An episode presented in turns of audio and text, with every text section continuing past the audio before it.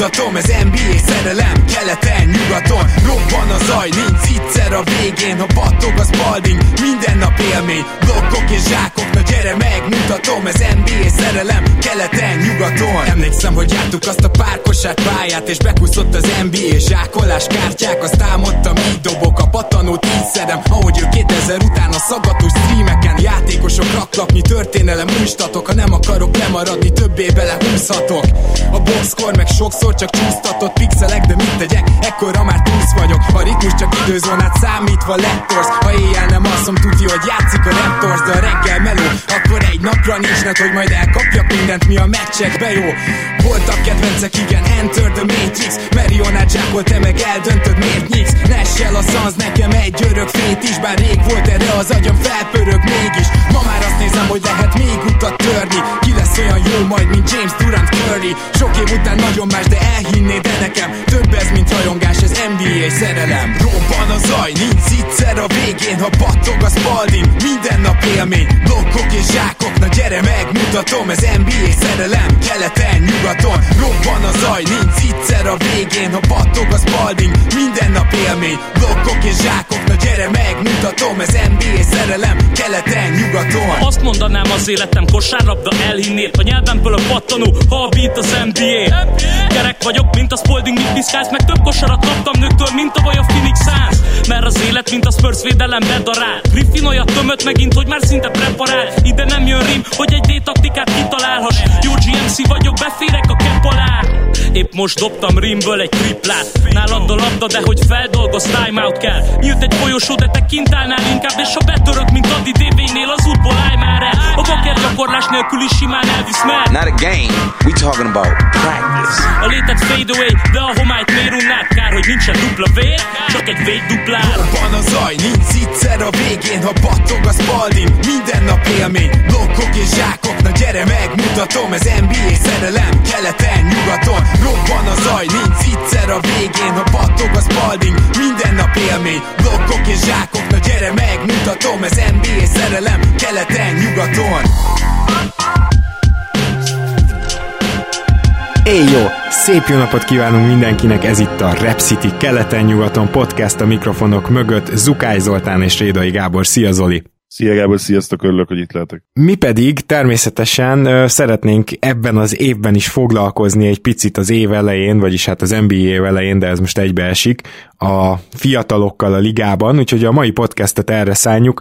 Igaz, annyira sok újat most nem fogunk tudni szerintem mondani, de amit igen, az, az egy eléggé általános következtetés lesz, legalábbis a részemről, aztán majd meglátjuk, hogy Zoli is hasonlóakra jutott el, amikor vizsgálta ezt a történetet, mert hogy azzal a felütéssel kezdtünk neki a podcastnek, már mint amikor megbeszéltük, hogy mi legyen a téma, hogy U25-ös bajnokcsapatot össze lehetne hozni, hiszen ugye gyakran mondjuk, hogy a fiatal csapatok egyszerűen nem tudnak felérni általában a, a csúcsra, de egymás között aztán megbeszéltük, hogy olyan nevetségesen könnyűnek tűnik a feladat, hogy legalább, legalább egy évet menjünk vissza, és U24, tehát maximum 23 évesekkel próbáljuk meg megnézni, hogy bajnokcsapatot lehetne építeni, mert hogy egyszerűen az U25-ben még olyan játékosok vannak, mint Simons meg Booker, azok mellé, akik egyébként abszolút a liga top 20-30 játékosai között vannak most 23-22 évesen is, vagy Luka esetében akár 21, tehát azt gondolom, hogy itt az 25 nem lett volna kihívás. Így van, amint összetudsz rakni, mondjuk, hogyha Lukából indulunk ki, akár őt, de mondhatnám trét is, amint összetudod az egyiküket rakni, egy már bizonyított maxos játékossal, mert ilyenek is vannak szép számmal, ugye 25 éven alul, onnantól kezdve tényleg nem, nem, nem, nem tűnik egy nagy kihívásnak, mert mind védekezésben, sőt védekező oszlopként, védekező irányítóként úgymond ebben a Garnet szerepben is tudsz játékost választani, illetve ugyanezt meg tudod tenni támadásban is, és össz, körül tudod őket venni, ráadásul gyakorlatilag már most elit free játékosokkal, akik ugye 25 éve alatt vannak. Hozzáteszem, hogy 24 év alatt is én azt gondolom, hogy vannak most már elit vagy elit közeli free játékosok, és így gyakorlatilag egy olyan tökéletes elegyet tudsz összeállítani, amely ellen valószínűleg csak a Lakers fanok érvelnének, hogy, mert ők nyilván érvelnének mindenképpen, ugye. És valószínűleg teljes joggal, mert ugye alapban sem önbizalom hiányos szurkolókról beszélünk, és most azért csak egy bajnoki címből jönnek, ahol ugye LeBron és, és Édi is vitézkedett, és még mindig érvehetnének mellette, hogy, hogy ez ellen a csapat ellen is a két legjobb játékos náluk van, és nem biztos, hogy tévednének egyébként. Mm, igen, viszont mondjuk az nagyon durva lehet összehasonlítani a Miami Heat-tel majd, Nyilván, tehát hogy ott meg le, azt mondtuk, hogy pont, hogy a harmadiktól a hetedik legjobb játékos meg lehet, hogy Miami-ban van. És ugye nem volt elég, viszont ezt nem is láttuk meg teljes erővel ezt a Miami-t, tehát ezt is hozzá kell tenni, hogy, hogy így nehéz Igen. ugye összehasonlítani. És itt valószínűleg a harmadiktól a 15. játékos le, lenne a másik csapatnál ugye erőség, hogyha, lé, hogyha Lakers elleni hipotetikus meccsapról beszélünk.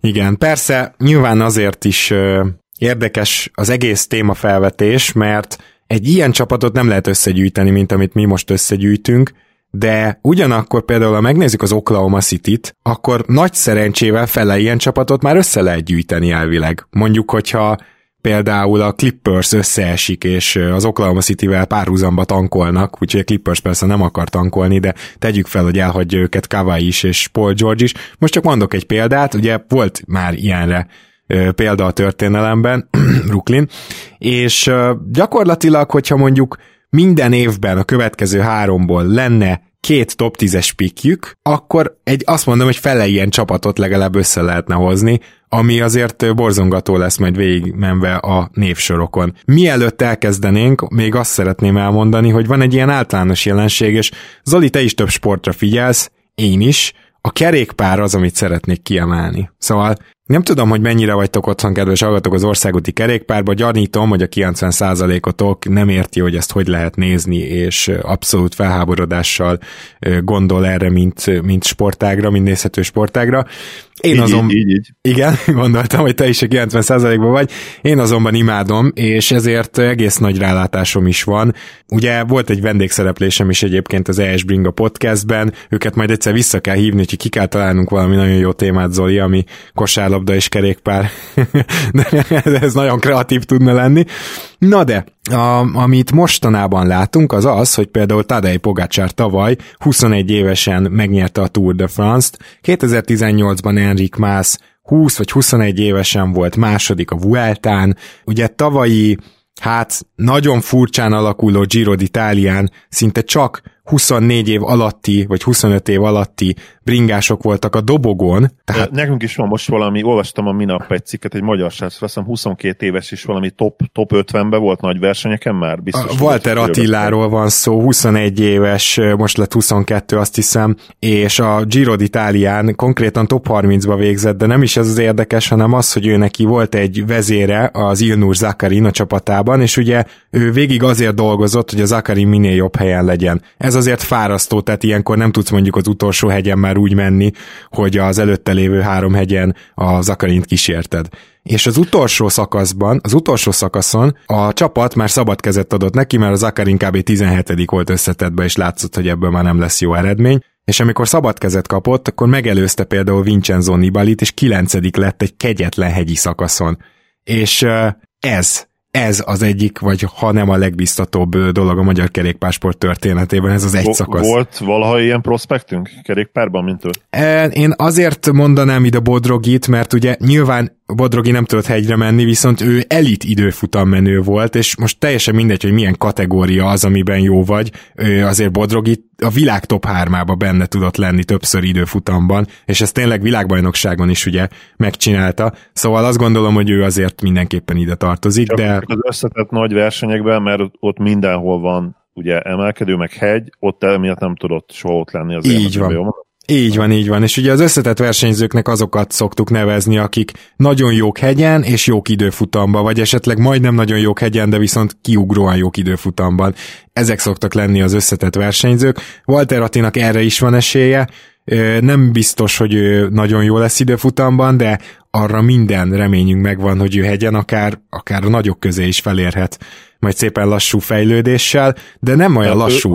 Hogy lehet jobb eredményetet, ha valaki nagyon-nagyon elit hegy, hegyi menő, de nem jó időfutamba, vagy fordítva, melyik lehet uh, sikeresebb. A, akkor már inkább legyél jó hegyi menő, mert sokkal több hegy van, és ott sokkal nagyobb különbségek alakulnak ki. Vannak olyan nagy körversenyek, ahol van mondjuk három időfutam is, és abból kettő hosszú, ott jobban befolyásolja az időfutam, de, de a hegy a fontosabb egyértelműen. És mondtam ezt, hogy hát egy lassú fejlődés, de ez nem lassú fejlődés, tehát amit látunk a kerékpárban az az, hogy 15 évvel ezelőtt még 22 éves versenyzők örültek, hogyha van profi szerződésük, akkor nagyon tehetségesek voltak, és kis apró versenyeken indultak, nem hogy nagy körversenyeken, top 10-es, top 3-as helyezések, kilátásban nem volt. És volt is erről egy nyilatkozata, csak az a baj, nem emlékszem melyik kerékpárosnak, de mindegy, szóval el is terjedt ez a dolog, hogy ez nem véletlenül van, ahogy bejöttek a különböző ilyen mérők, tehát például wattmérő, ugye az egyik legfontosabb újítás a kerékpársportban, ez olyan, mint az advanstatok a kosárban, vagy a baseballban ugye a, a, szintén az advanstatok. Szóval amióta ez bejött, azóta egyszerűen már fel tudják mérni azt, hogy mire lehetsz képes abban az évben körülbelül, tehát mondjuk minden év elején csinálnak egy ilyen nagy-nagy felmérést, és ezt ki is tudják belőled hozni. És így kénytelenek voltak meglátni, hogy jé, ez a 21 éves gyerek, Hát ez bizony a legjobbjaink között van. Amit eddig egyszerűen nem, tehát ilyen hagyomány szintjén nem, nem csináltak meg.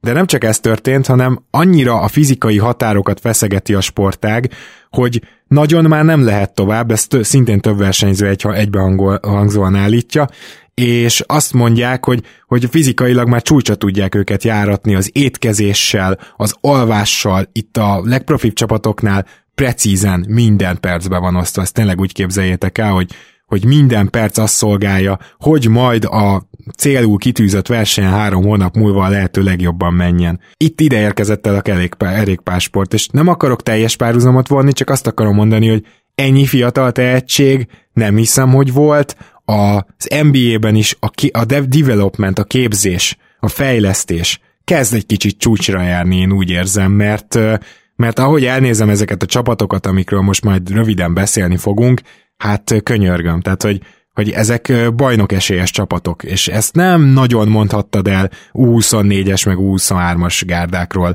az elmúlt 60 évben. Igen, nem csak valószínűleg a karrier hossza tolódik ki az, hogy meddig képesek el itt teljesítmény nyújtani a sportolók, de, de jó eséllyel az is előrébb jön az az időpont, amikortól már eredményesek lehetnek. Nem minden sportba teszem hozzá, mert teniszbe pont az ellenkezőjét látjuk. Igen ma, ma gyakorlatilag lehetetlen férfi teniszről beszélek, férfi teniszben 16-17 éveseknek esélye sincsen, ami 10-20-30-40 éve minden korábbi érában gyakorlatilag nem csak, hogy lehetséges volt, de, de egy teljesen megszakott dolog.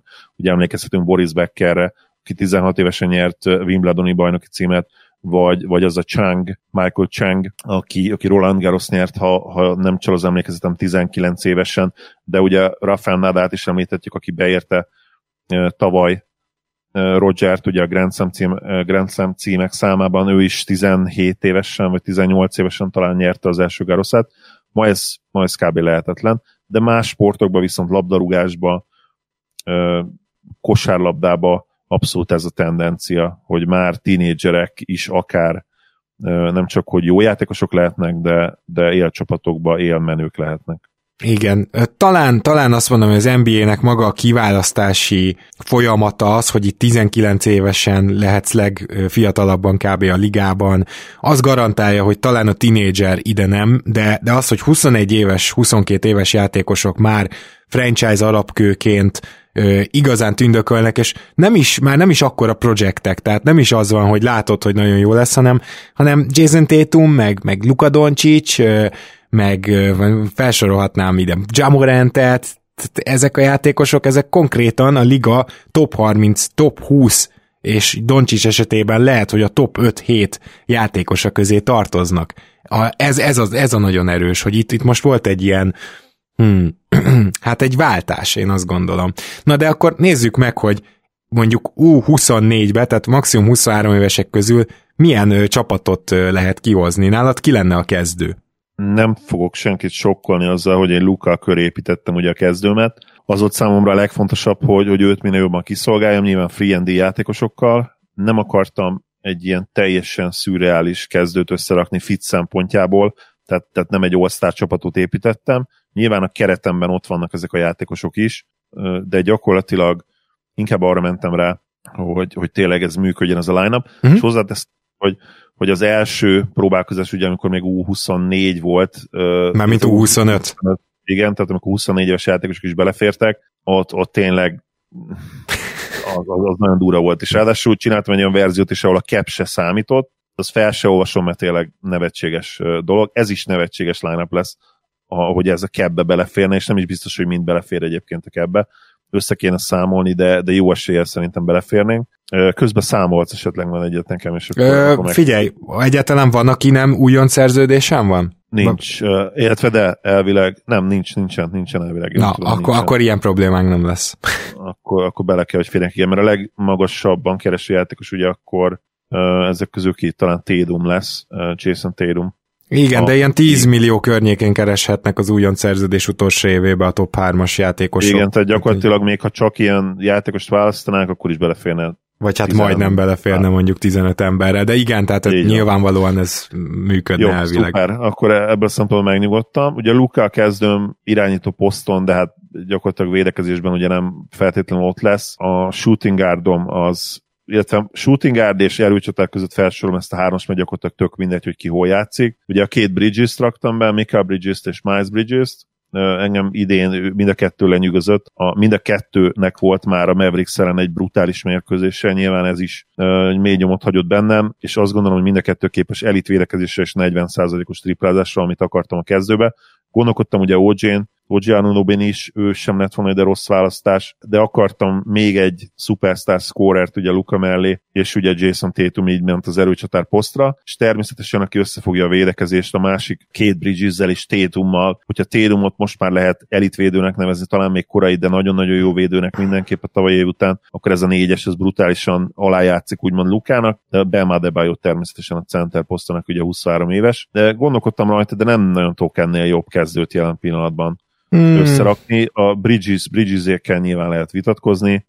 Hát de... én, én szeretnék is, ha megengedett. Tehát Miles Bridges, mint jó védő, az nekem, én nem kezdte rosszul ezt az évet ilyen szempontból, ezt el kell, hogy ismerjem, amúgy a padról jön, tehát ez fontos tudni, hogy hogy mondjuk nem feltétlenül a, a legjobb játékosok ellen játszik ideje nagy részében, és nem feltétlenül a legjobbakat fogja, de egyszerűen az elmúlt éveiben ő szarvédő volt, és én, én most még nem merném ezt rámondani, arról nem is beszélve, hogy az elmúlt éveiben azt sem mutatta meg, hogy ő 40%-kal tudna triplázni, tehát én Miles Bridges helyére Ananubit hoztam, és Miles Bridges ki is hagytam úgy, ahogy van a keretemből, de lehet, hogy, lehet, hogy az idei év, és lehet, hogy ez a Dallas elleni meccs az, az jobb indikátor, de szerintem ez bátor volt a részedről, de a, egyébként tök ugyanarról Az játszott tényleg, tehát 20 pont, 16 lepattanó és 4 per 6 triplát bevágott, tehát azért ez szerintem nyilván árnyalja a képet. Én gondolkodtam egyébként jó free játékosokon, és ugye, ahogy mondtam, OG-t beraktam a fő rotációmba, de de ki, tudsz mást mondani amúgy helyettük? Mert olyan nagyon sok nincsen ebben a korosztályban szerintem. Nincs, de hogy is mondjam, csak ha már Miles Bridges megemlítetted, akkor pontosan ugyanazzal az erővel DeAndre hunter Szerintem meg kell említenünk.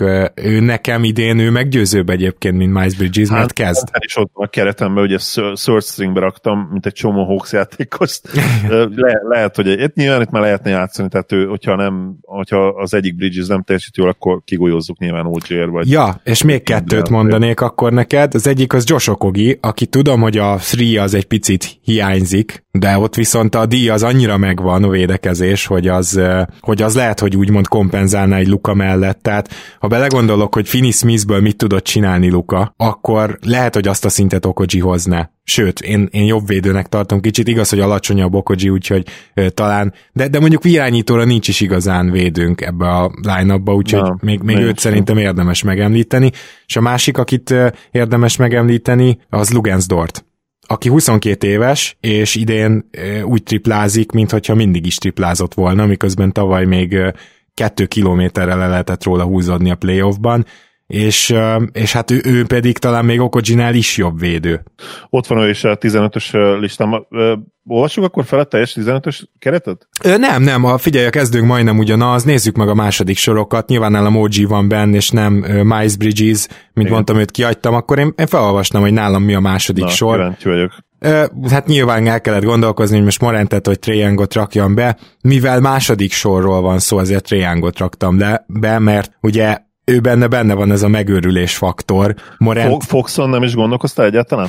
De gondolkoztam, csak egyszerűen ő a negyedik irányító lenne, és nem igazán érzem azt, talán Trae mellé úgymond be lehetne rakni. Tehát ebbe a sorba talán lehetne két irányító, nem is hülyeség most így mondod, mert nekem DiVincenzo, Hunter, Jalen Jackson Jr. és DeAndre Ayton egészíti ki Trae de ide akár Lugens Dortot be lehetne rakni, akár DeAndre, tehát akár Foxot. Tehát igen, ilyen választékunk van, te atya úristen. Tehát akkor tegyük fel, hogy, hogy mondjuk berakom Trae mellé Foxot, akkor maradjon Ben Hunter, mert akkor inkább triplát kell dobni, JJJ és Aiton.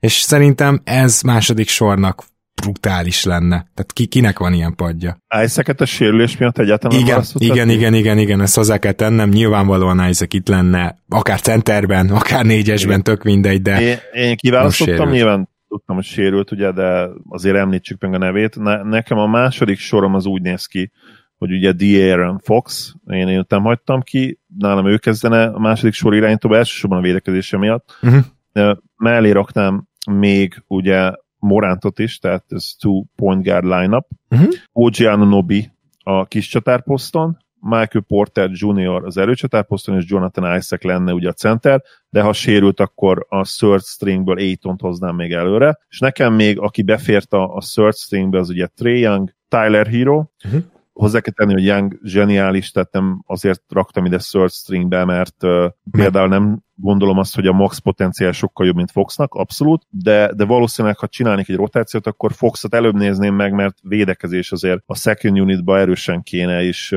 a legjobb e- elegyét akarom megtalálni a támadásnak és a védekezésnek. Én is egyébként így építettem a csapatokat, és tényleg most bajnok csapatot akarunk építeni, tehát teljesen jogos, Igen, amit mondasz. De, de Tré, Tré nyilván bejátszottál magát, tehát akár nem tudom, a kezdőbe is, tehát zseniális a csávó, nem akarom leírni abszolút, főleg ugye, hogy, hogy itt a Luka Tré rivalizálásra nekem ugye extra módon figyelni kell, és egyébként én szerettem is ezt az oldalt, meg, meg abszolút szurkolok is trének, mert egyszerűen annyira látványos a játéka. Engem nem zavar az se, hogy, hogy vadásza időnként a faltokat, mert, mert kicsi, a súlya se, ugye nem, nem még a Steph Curry peak megközelítőleg sem, tehát azt, azt a súlyt sem érje, hogy neki kell, egyszerűen be kell dobni ezeket a dolgokat, én nem haragszom el miatt sem. És akkor ugye akit még ide beraktam, ugye a third stringbe, az a DeAndre Hunter, John Collins és, és Aiton, ugye mindenki rúki szerződésen van gyakorlatilag. Azt gondolom, hogy, hogy ez a csapat, nyilván ez, ez is teljesen ideális, mert teljesen persze. Mert a, a legtehetségesebb játékosok vannak 23, 23 év alatt. Sőt, szóval... hozzáteszem, ez a harmadik csapat, meg az enyém is az lesz, de amit most felsorolt ez a harmadik csapat, ezt a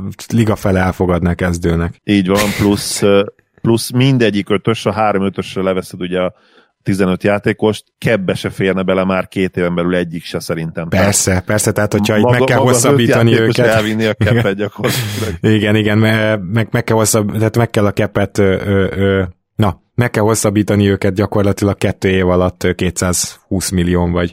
Jó, én is elmondanám egyébként Morant Hero, akkor mondjuk Okaji helyett ide kiesik Divincenzo, vagy Dortot is be lehet rakni a kávédekezés, John Collins és Jared Allen még csak úgy uh, utólagos szerelemből beraktam, de szóval itt, itt, itt Michael Porter Jr. nem kimaradt, mert nem tudtam úgy beilleszteni egyik csapatba se, hogy, hogy ezt azért érezzük, hogy olyan félelmetes tehetségmennyiség van most az NBA-ben, és ráadásul van egy szerintem érdekes, hát űr is, hogyha megnézed. Tehát, hogyha viszont azt vizsgálnánk, hogy most a 25 és 30 éves já- közötti játékosokból rakjunk össze bajnokcsapatot, hallod Zoli, tökre szívnánk a fogunkat, és talán, talán még az menti meg a dolgot, hogy emlékeim szerint Anthony Davis még benne van ebben a korosztályban, de, de egyébként ugye a liga sztárjainak jó része, ez most inkább 30 a, és 35 között igen. van. Így van. Igen, ugye a top 10 menjünk végig fejbe ki, az a, a fiatalokat leszámítva, ugye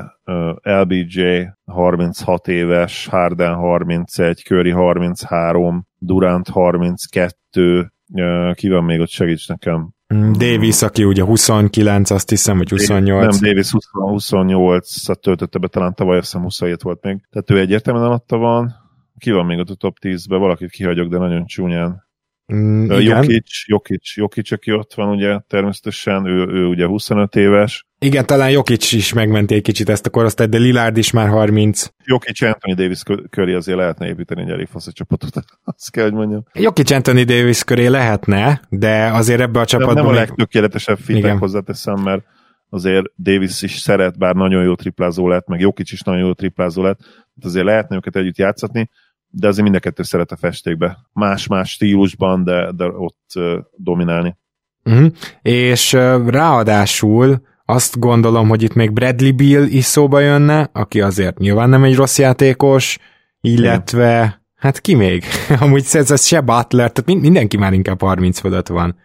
Úgyhogy Embiid, Embiid jönnék itt szóba, de hát ő is magas ember, ami kicsit problémás, és Carl Anthony Towns is azt hiszem 25 éves, akkor szintén. Kri- Krista Porzingis is, akit még ugye szintén is már betöltött. Na, akkor magas poszton nem lenne ennek a csapatnak problémája, de könyörgöm, tehát jó, igen, ne feledkezzünk meg Kawairól és Paul George-ról, de Kawai is szerintem már betöltötte a 30-at, mindjárt nézem.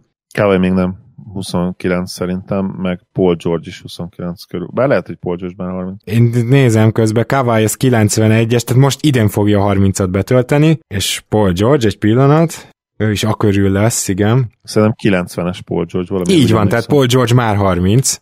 Tehát Mhm. akkor, jó, akkor azért azt megállapíthatjuk, hogy a talent pool, tehát ami szoktak mondani, ez a, a tehetségmedence, amiből válogatsz, az, az 20, 25 és 30 között jelen pillanatban szinte csak magas emberekből áll, és persze Kawai és Bradley Beal miatt biztosan össze tudná rakni egy, egy, egy contender csapatot, de azért sokkal durvábbnak tűnik ez a 20-tól 25-ig kategória. Tehát azért valamennyire igazam van, amikor azt mondom, hogy, hogy van egy Igen. És hogyha ugye ezek a 30 fölötti játékosok szépen lassan majd visszavonulnak, még, még nem hiszem, hogy Westbrook jövőre visszavonul, meg Harden jövőre visszavonul, meg nem te, de azért ők már, főleg Westbrooknál látszik a visszaesés, és azért nem mindenki LeBron James lesz, meg Chris Paul, meg Kyle Lowry, akik így valahogy 35 évesen is ugyanúgy játszanak. Tehát nem, nem ez az általános azért feltétlenül. Ne, abszolút nem, és hát ugye CP Fit említed, ő se öregedett annyira jól meg. Most nagyon jó és éppen fit, de nem vagyunk nyilván biztosak abban, hogy ez meddig lesz így. A play azért nagyon sokszor volt már sérült, és, és ma már nem lehet 40 perceztetni őt, mint régen. Tehát igaz, Ezt, ezt azért kemény felróni neki, nem? Tehát ez csak LeBron James-szel párhuzamban róhatott fel.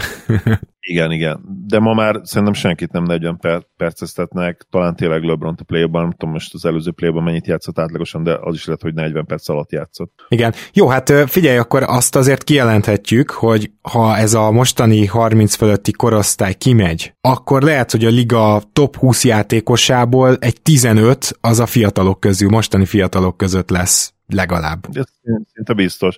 És szerintem egyébként rendben is lesz a, a generációváltás. Tehát nyilván azok, akik, akik ugyanúgy szeretik, szeretik ezt a LeBron féle generációt, de lehet, hogy most már a LeBron féle generáció, az nem is a LeBron féle generáció, mert a LeBron féle generációból lehet, hogy ő maradt utoljára, nem? Abból a generációból Én- talán igen. Éket is utána jövőnek mondanám oda soron. Bár nem, talán nem, azért Hardent, Hardent Curryt azért, azért vegyük ide ebbe a generációba, mm. igen. Hát ez csak De- LeBronnak a, a, a hihetetlen testi ö, fenntartási képessége Szóval miatt a, van. aki úgy szerette ezeket a srácokat, mint mondjuk a, vagy a 90-es évek éráját, vagy a 2000 és 2010 közötti, nekem valószínűleg személy szerint kedvenc NBA érámat, én azt gondolom, hogy a, a 2000, tehát hogy ugye volt a 2000-es évek eleje, az nagyon gyenge volt, emlékezzünk rá, viszont 2003-4-től kezdve egészen 2013-ig mondjuk, vagy 12-ig, és abban még az újkori hit is beleesik, számomra az volt az a, nyilván a legkedvesebb, de valószínűleg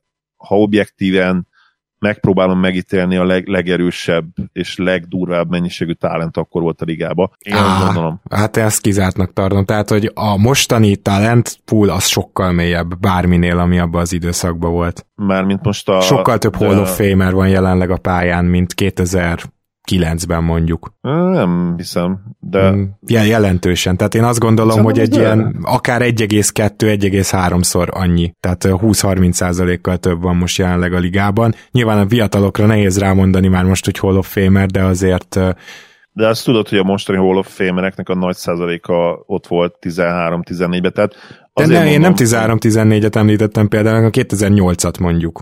Ja, értem, csak én az éráról beszélek, tehát a 2000, ha mondjuk úgy veszik az élet, 2004 és mondjuk 2000, hát ilyen, lehet, hogy úgy, úgy kellene menni egy élet, hogy ez több, több is szokott lenni, mint egy 10 év.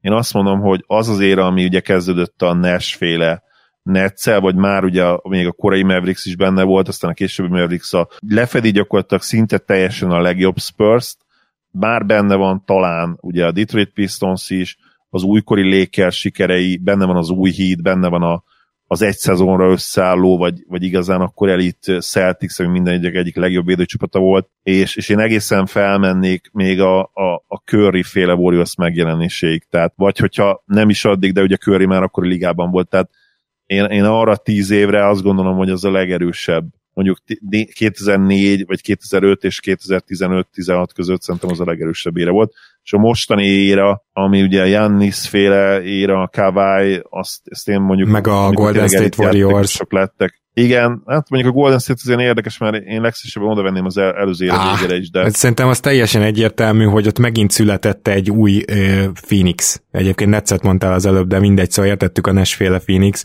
Ez, az, ez a Golden State a következő érának az elindítója. Tehát itt egy nagyon, er, nagyon jól meghúzható határa körféle Golden State szerintem, mert, mert erre reagált az egész liga aztán, és teljesen átalakultak a, a újra átalakultak Igen, de, de a még ebben az is benne volt, hogy olyan talent mennyiség jött össze. Tehát nem csak a stílus, mert ha stílusban, stílus nézik, akkor már lehet, hogy visszamehetnénk akár a 2009-es Orlandóig is, vagy, mm. vagy előtte ugye a Suns esik. Tehát voltak olyan csapatok, amelyek hasonló stílusban alapvetően a három pontosokra koncentrálva. Azt én értem, csak nem volt tőlük ekkora átalakulás, mert mint a Suns az megnyitotta az előző érát, de pont ezért, mert, mert átalakította a liga, ahogy hogy játszik a liga, és a Golden State is megcsinálta ezt, tehát szerintem ezek jó Mondjuk határok. Én, én, nem is, én itt nem is a Golden State-et emelném ki, hanem inkább curry tehát szerintem ebben curry nagyobb szerepe volt, mint a csapatának. Illetve Steve Kurt.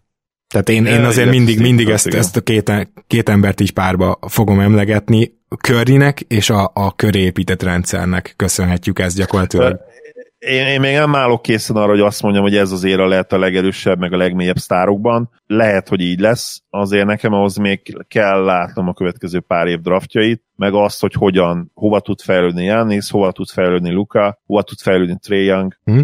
Én ezt előtte még mindenképp meg szeretném nézni. Ezt megértem. Számomra jelen pillanatban az, a, az a legmélyebb éra. De nyilván azon is lehet már vitatkozni, hogy mi egy éra. Tehát ha szigorúan évtizedekre bontjuk le, akkor, akkor hát egyetértek természetesen, és akkor, és akkor 2010-től 2020-ig akkor az a legerősebb egyértelműen.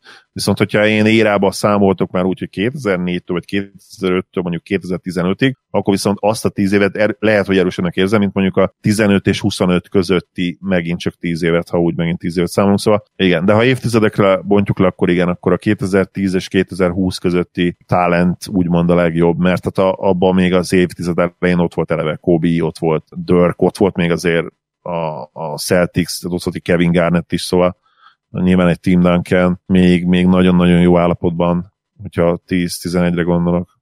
Uh-huh.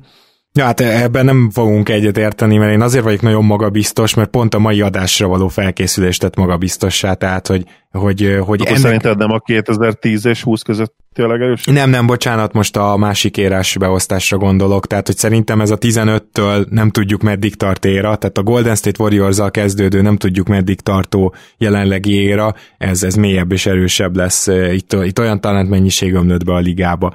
Lehet, lehet, de szerintem ezt még nem tudjuk. Igen, ebbe ezt akartam mondani, hogy abban igazad van, hogy nyilván erre még, még várnunk kell és egyébként nem segít annyira sokat ennek az érának az, hogy pont említettük ezt a körülbelül 2010 és 15 között draftolt játékosokat, akik, szóval azok a draftok, azok azért ott, ott volt baj, és utólag van baj, mert, mert ha megnézed Irvinget, vagy megnézed John volt, szóval, hogy Hát igen, kiderültek róluk, hogy, hogy elképesztő tehetségek, de még, még, mégis ez vagy az hiányzik.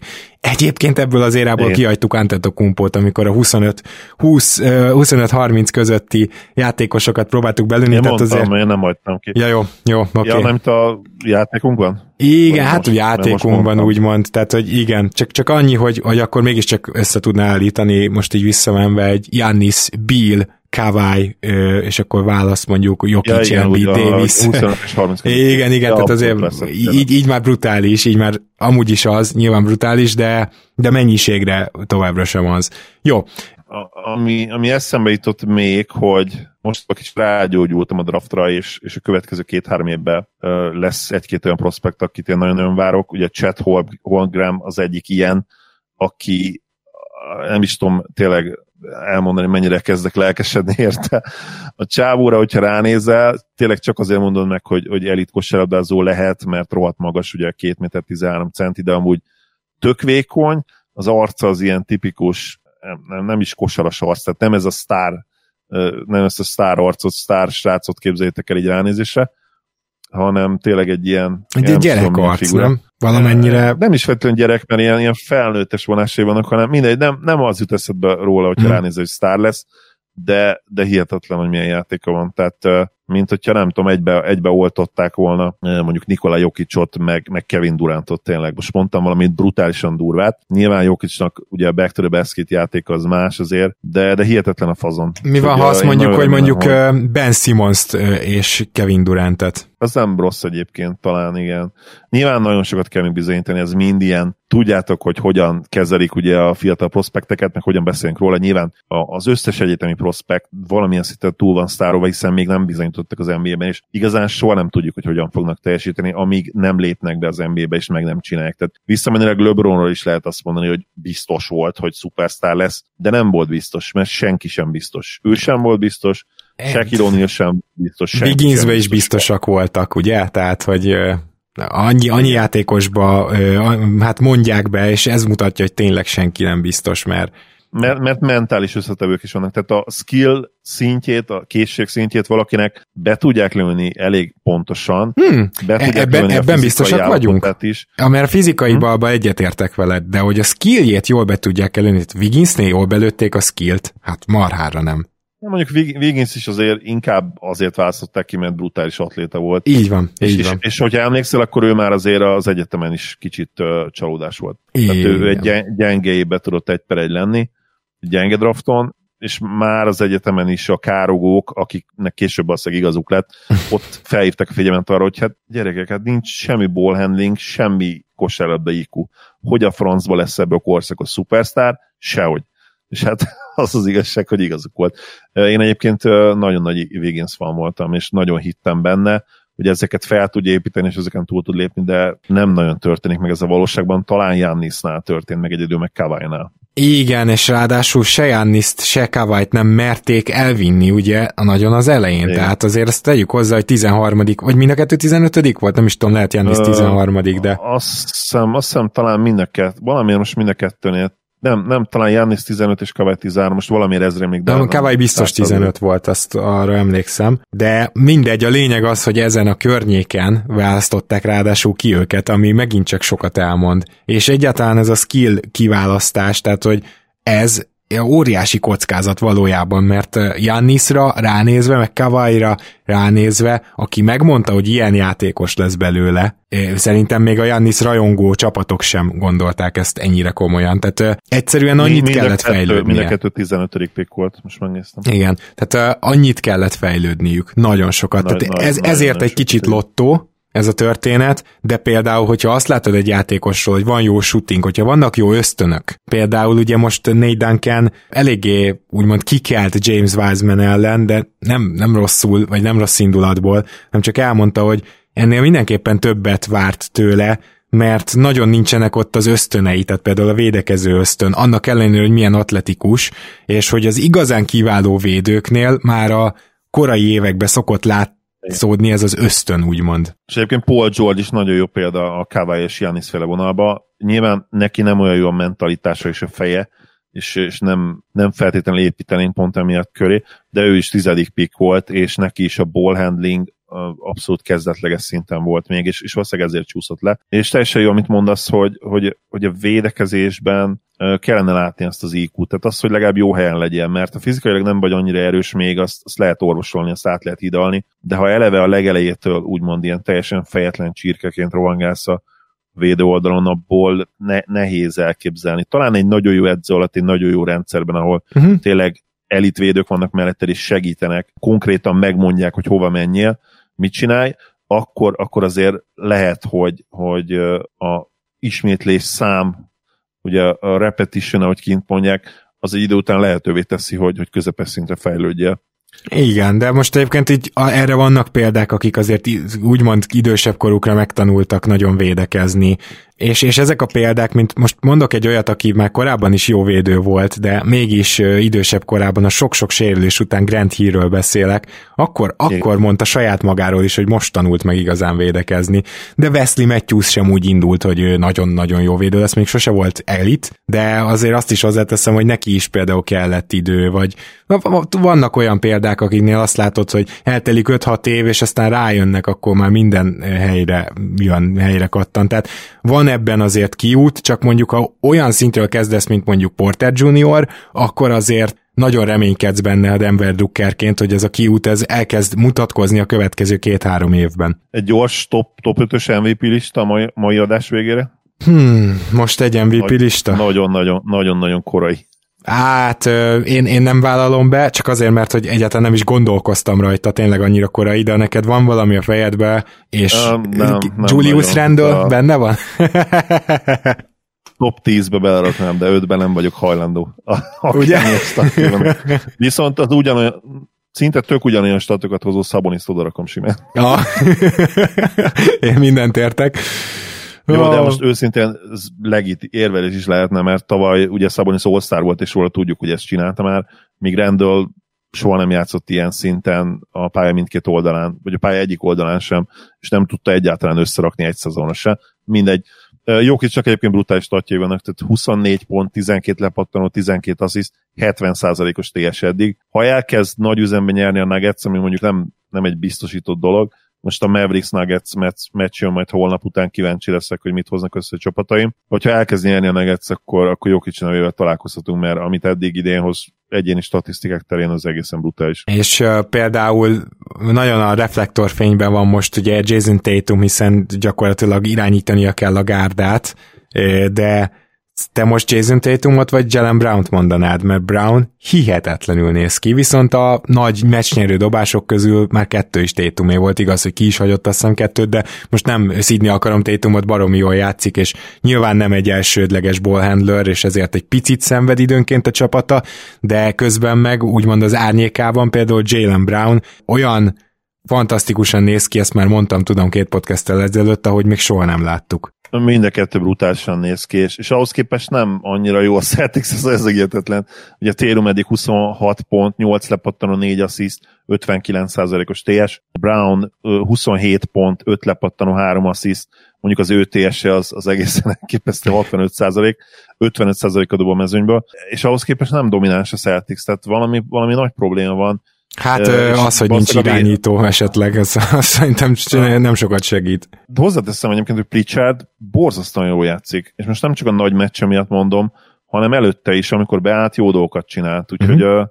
ne, nem értem, hogy miért nem jobb ennél, és itt most nem is elsősorban mérlegre gondolok, mert a mérleget azt nem feltétlenül kell erőltetni ilyen korán, hanem a Celtics meccseit nézve is leszámítva a Raptor szerint hozzáteszem, mert azért ez már rendben volt. Igen, sajnos, de meg kell vallani. kezdés eltére, mert ugye rossz, kifejezetten rosszul kezdett, vagy, vagy jól kezdett a Raptors, hogy ezt mindig meg lehet fogni két oldalról is, viszont, viszont összességében nem láttam még domináns teljesítményt tőlük, de, de hozzá kell tenni, hogy, hogy a Sixers meccseit nézve se feltétlenül az jut eszembe, hogy, hogy, hogy ők lesznek a világverőek, bár megdicsértem őket, és, és tetszik is, amit csinálnak. Igen, de nem Tobias, dominánsak. Igen, Tobias Harris nagyon jó szezont fut, úgy néz ki, hogy végre le tud hozni egy, egy nem clipperses kiváló szezont is remélhetőleg.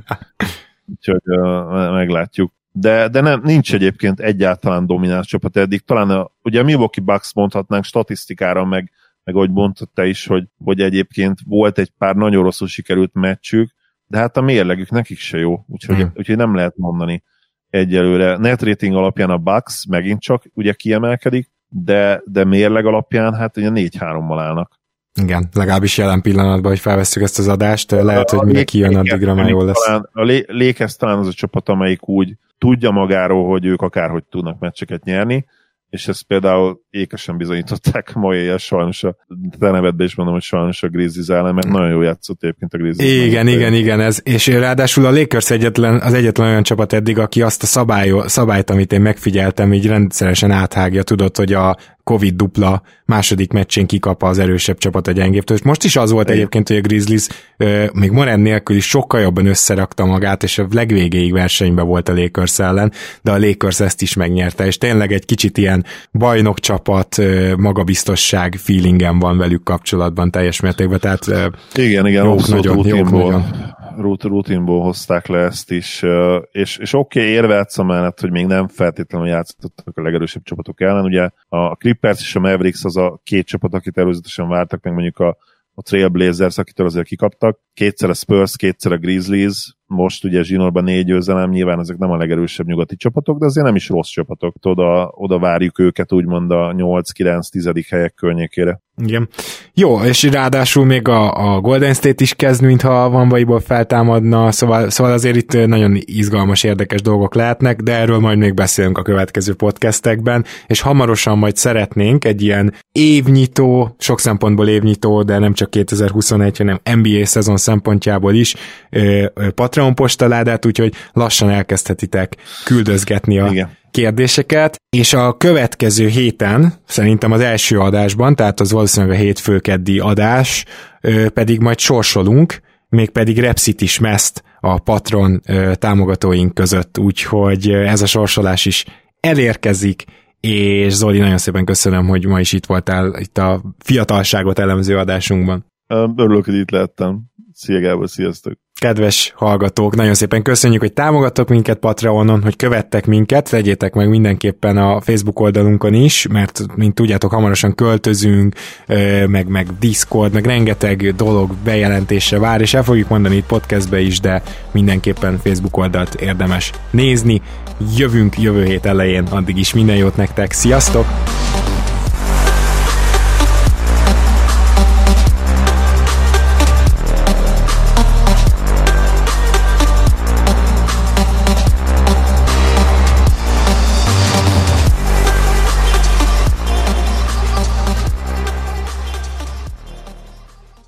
Ha más podcastekre is kíváncsi vagy, hallgassd meg a Béton műsor ajánlóját.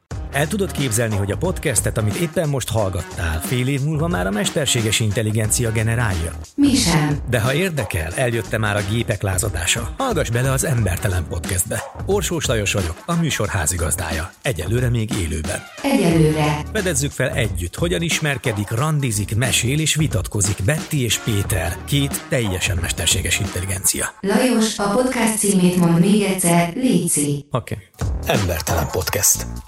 Ez a műsor a Béton közösség tagja.